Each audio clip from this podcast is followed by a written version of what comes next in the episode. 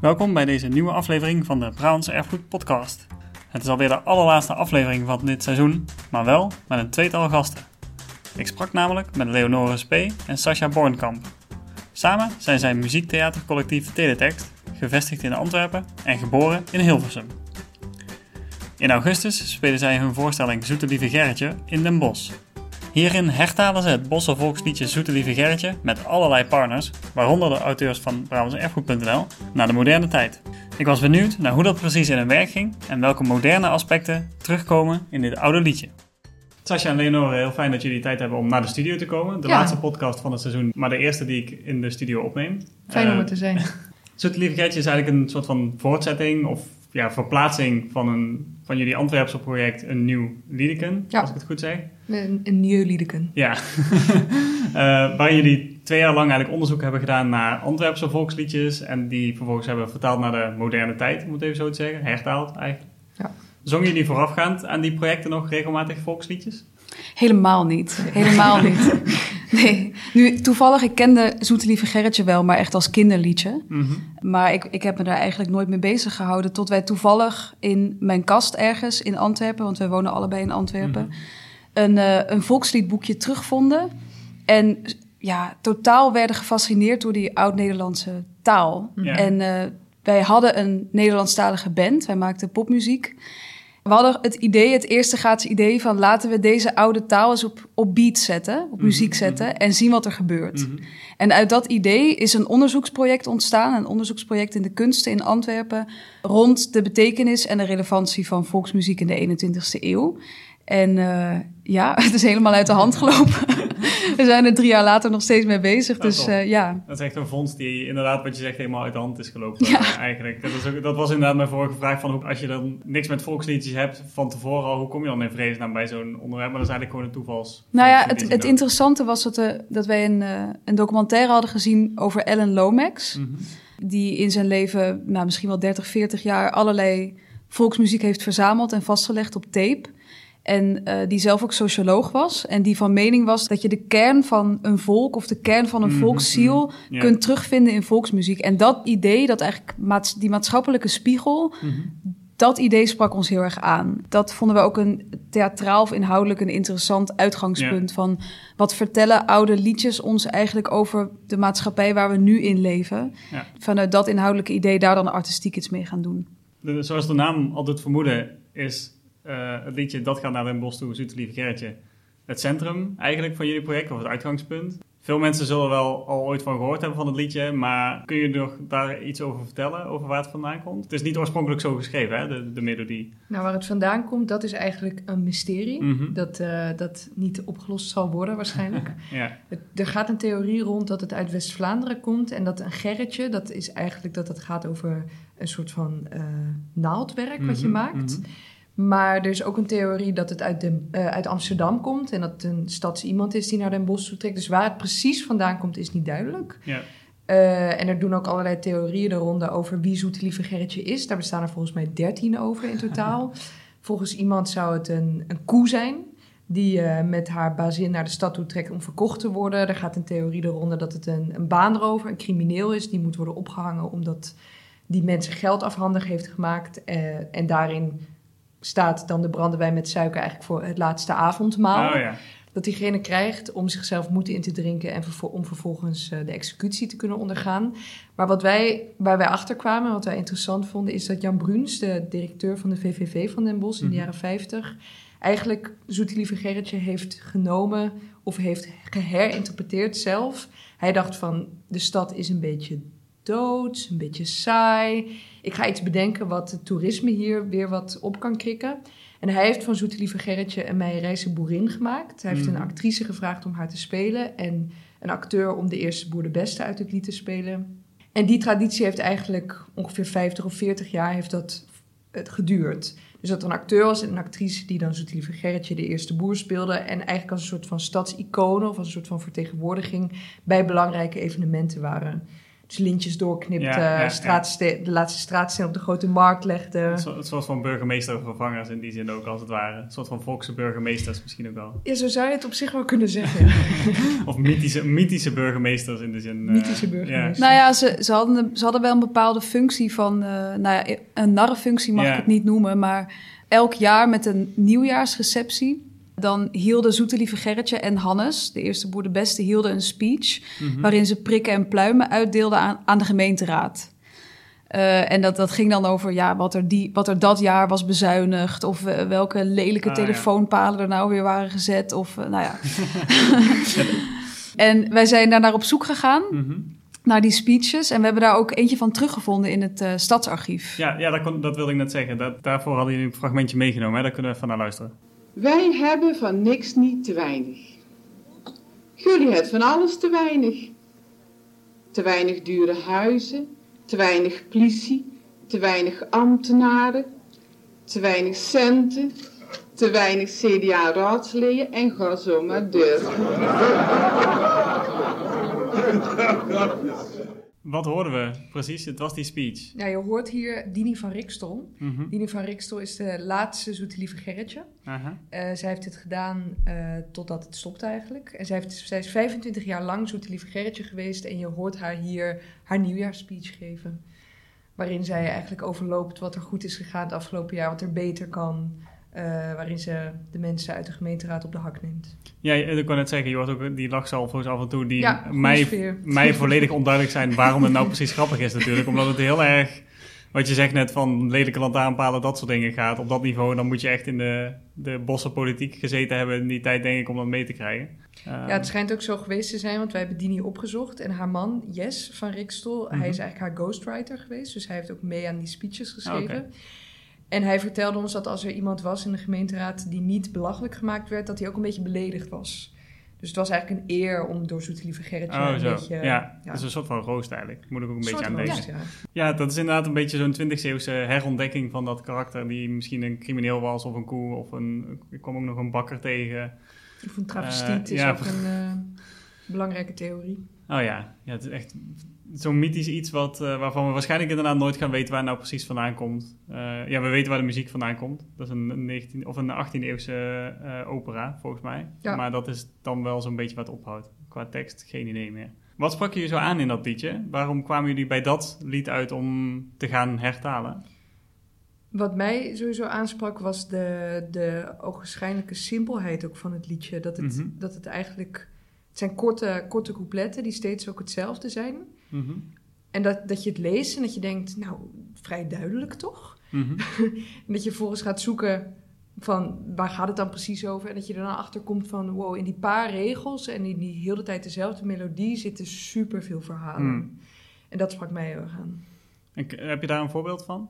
Nou, bijvoorbeeld, bijvoorbeeld van ehm, waar die brandewijn met suiker dan voor Mhm. staat. Oh ja. dat, zou, dat zou heel veel Ja, betekenis kunnen ja, hebben. Dat zou dus dat laatste avondmaal kunnen zijn. Maar dat zou, weet ik veel, dat zou van alles kunnen zijn. Het zou een verhuislied kunnen zijn, zeg maar. Wat ik heel gaaf vind eraan is dat, het dus die, dat je die paar regels hebt. Dat je eigenlijk in alle theorieën kan het kloppend gemaakt oh, worden. Ja, Dus je kan daar eigenlijk in principe eindeloos op doorgaan als je zo ja, wil. ja. Ja, en de uitdrukking, wie zal dat betalen, zoete lieve Mhm. Wij, zijn, wij zijn een beetje gaan zoeken Mhm. in, eh, in, in kranten en tijdschriften. En blijkbaar was dat echt een gangbare uitdrukking die mensen Oh, echt echt? ge- gebruikten om hun argumenten kracht bij te zetten over totaal andere dingen. Dat ging dan ook vaak over bezuinigingen en ook vaak over eh, Gemeentepolitiek. gemeentepolitiek, maar eigenlijk van alles. Dat Zoete Lieve Gerritje was echt een, ja, een, een bekend figuur. En dat blijkt ook wel, want we hebben met heel veel mensen gepraat, Mhm. Bossenaren, in de afgelopen weken. En eh, iedereen heeft er wel iets over te zeggen. Dat is wel heel grappig, dat het echt zo'n gevleugelde uitspraak dus werd, eh, kennelijk. Ja, en we hebben ook met iemand gesproken die dan zei van... wie zal dat betalen? Zoet lieve Gerritje, ze kan het toch zelf betalen, weet je wel? Die zo zei van, waarom moet de eerste boer de beste dat dan weer betalen? Dus je kan het zo naar gelang je eigen... Je kan het heel erg invullen en dus in die theorieën kloppen, al die regels kun je kloppend maken inderdaad. Dat is Ja, ook wel fascinerend om te zien natuurlijk. Ja. Voor jullie project hebben jullie samengewerkt met heel veel verschillende partners. Van koren en hip-hop muzikanten tot auteurs van BrabantSerfgoed.nl. Daar zijn wij natuurlijk extra trots op. Waarom hebben je partners uit zulke verschillende hoeken van de samenleving eigenlijk bij dat project betrokken? Ja, ik Ja. denk dat wij het heel belangrijk vinden in het zoeken naar het updaten van Mhm. volksmuziek. Dat we veel stemmen betrekken. En veel eh, verschillende stemmen die eigenlijk allemaal op een andere manier of vanuit een eigen referentiekader iets over dat lied te zeggen hebben. Mhm. En zeker bij dit lied, omdat de betekenis en het mysterie van Zoete Lieve Gerritje nog zo open ligt, was het Mhm. voor ons heel belangrijk dat, dat de update zowel zou kunnen liggen in een raptekst als in het Scola Cantorum dat hier in de Sint-Jan eh, zingt. Dus die uiteenlopendheid en juist die heel grote verspreidheid in mensen die eraan meewerken is voor ons heel belangrijk. Er is ook niet één antwoord. Ja. De herwerking van het volksmuziek, van het volksliedje zit in de veelheid en ja, in de verschillendheid van die stemmen. Ja, precies. Dan hebben ze eigenlijk allemaal een soort van eigen versie van Zoete Lieve Gerritje in die zin. Ja, en soms Eh, lopen die ook door elkaar. ja. Het kan zijn, want we, we zijn dus bezig aan een muziektheatervoorstelling. Mhm. En het kan zijn dus dat, het, dat, het koor, dat de koorcompositie uiteindelijk komt te liggen over, over een raptekst of met een beat daardoorheen of met een interview dat we, dat we hebben gedaan met iemand dat daar dan weer overheen wordt gelegd. Dus de dingen, en dat is dan wat het, wat het dan theater maakt, want dit zou ook een historisch onderzoek kunnen Ja. zijn eigenlijk. Maar Mhm. dat, we, we willen dan die stap maken uiteindelijk van al dat onderzoek dat we doen en al die kennis of zo die we dan vergaren de stap naar om het dan fantasievol en verbeeldend en theatraal te maken. Ja. En daarin gaat het ook niet per se om de juistheid, maar vooral om Dat Ja. de verbeelding wordt de verbeelding wordt opengetrokken. over wie ze zou kunnen zijn. En dat dan misschien de, de kijker, om het even zo te zeggen, of de ontvanger, de, de, de deelnemer, dan ook denkt van, oh, wat zou mijn Zoete Lieve Gerritje zijn? ja, of maar. ben ik het? Ja, ja, precies. Ja. Die vertaling is er gekomen door met allerlei verschillende soorten groepen te praten. En ja, die versies, hun, hun blikken, hun eh, kijk op, de, op dat liedje, dan hun interpretatie van dat liedje eigenlijk ja, samen te voegen. Of niet samen te voegen, maar aan elkaar te knopen. Zeg je Ja. dat dan goed? Ja, Ik zei al, dus er waren ook auteurs van Brabantserfgoed.nl bij betrokken. We hebben natuurlijk onze themamaand Boerenleven gedaan eh, in eh, juni, mede onder, eh, onder invloed van jullie, zeg maar. Met je, als, met- dat was een inspiratie ook van jullie, die dat onderwerp bij ons brachten. Wat hebben jullie dan aan onze auteurs gehad, bijvoorbeeld? we waren heel benieuwd naar de boerinnenbonden in de vorige eeuw. Mhm. En ook de boerenbonden trouwens, die echt een belangrijke rol speelden. En eigenlijk vanuit die fascinatie en vanuit onze vragen die we daarbij hadden van wat, wat, hoe zag dat er dan uit, dat lidmaatschap? Wat, wat, wat werd daar aangeboden? Wat deden ze? Hoe heeft zich dat ook ontwikkeld door de jaren heen? En zijn er nu nog overblijfselen van of niet? Vanuit, dat, vanuit die vragen hebben wij aan jullie dus de vraag gesteld... van Mhm. willen jullie je auteurs daarop loslaten? En daar is echt superveel uitgekomen. Ook heel uiteenlopend. Sommige stukken waren veel technischer over Mhm. Landbouw... en andere waren meer een, een persoonlijk verhaal. We hebben bijvoorbeeld vorige week eh, samengezeten of gesproken met Cor Zwanenberg... die ja, vooral vertelt over zijn moeder, hoe zijn moeder... eh, zich door dat boerenleven heen heeft geslagen en hoe dat allemaal is gegaan. En het leuke, en dan kom ik weer terug op dat, wat het dan voor ons artistiek maakt, is dat we zijn verhaal eigenlijk bijna kunnen vertellen alsof hij de zoon zou zijn van Zoete Lieve Ja, ja, ja, ja, dat is natuurlijk ook de periode een beetje dat Zoete Lieve Gerritje, die heruitvonding plaatsvond Zeker. als Meijerijse boerin. Ja. Eh, Ja. Het midden van de 20e, e 20e eeuw eigenlijk. Ja, dat is wel de, heel mooi. de diversiteit van die verhalen, dat is ook voor ons heel belangrijk, omdat eh, het boerenleven ook niet een, Eenduidig. of Nee. een eenheidsworst is. Dat is super veelzijdig. We zijn Ja. bijvoorbeeld ook eh, een aantal artikels tegengekomen over de poffer, de Brabantse Mhm. poffer. En we werden daar ook direct door gegrepen, omdat... eh, maar ja, waarschijnlijk weet jij dat en weten de luisteraars dat ook wel. Maar die poffers, die, daar, daar zit heel veel eh, in van kennis over, of over de identiteit van wie Ja. de poffer draagt. Het is Ehm, gewoon een fantastisch kledingstuk. het is een Ja, het Het is is zo topobject. Ja. mooi. Ik zou echt willen, dat is echt iets waarvan ik zou willen dat het vandaag terug in de mode zou komen. Daar zou je wel mee opvallen nu tegenwoordig. Ja, dat wel, zeker. maar inderdaad. Ja. Je kan er heel erg je identiteit ook in leggen. Zoals je dat misschien altijd wel doet met kleren, maar dat zit daar nog heel erg in, ja. Ja, en je kan ook dus door een poffer op te zetten, kunnen mensen ook van alles aan je aflezen. Bijvoorbeeld Ja. of je gehuwd bent of niet, hoe oud je bent, wat je stand een beetje is. Ja, precies, precies. Heel handig eigenlijk. Heel, door, heel doorzichtig. Ja, ik moest vooral lachen toen ik nog een artikel binnenkreeg over de Brabantse lol. Wat ook een, Ja. eh, een muts is, alleen dan uit een heel andere hoek van Brabant. Uit West-Brabant ergens. Maar ik moest wel lachen om die naam. Maar het is mooi dat dat eh, ja, jullie zo gevoed heeft in dat, eh, in dat proces. En ehm, ja, Ja, het is je... natuurlijk echt wel heel bijzonder om te merken hoeveel kennis er zit. Mhm. Hoeveel kennis er is. Eh, en, en dat, wij, dat we nu via jullie die, die kennis ook mee mogen nemen in ons proces. Dat is echt super fijn. Ja, ja dat is heel mooi als, uh, als historische inspiratiebron. En jullie dan als, wat uiteindelijk het eindproduct, wat je zei, is uh, muziektheater. muziektheatervoorstelling. een soort van ja, creatief eindproduct. Wat ik als historicus, om het even op mezelf te betrekken, nooit zou kunnen maken. Maar jullie dus wel. Mhm. Dus dan vult dat, kan het elkaar heel mooi, heel mooi aanvullen.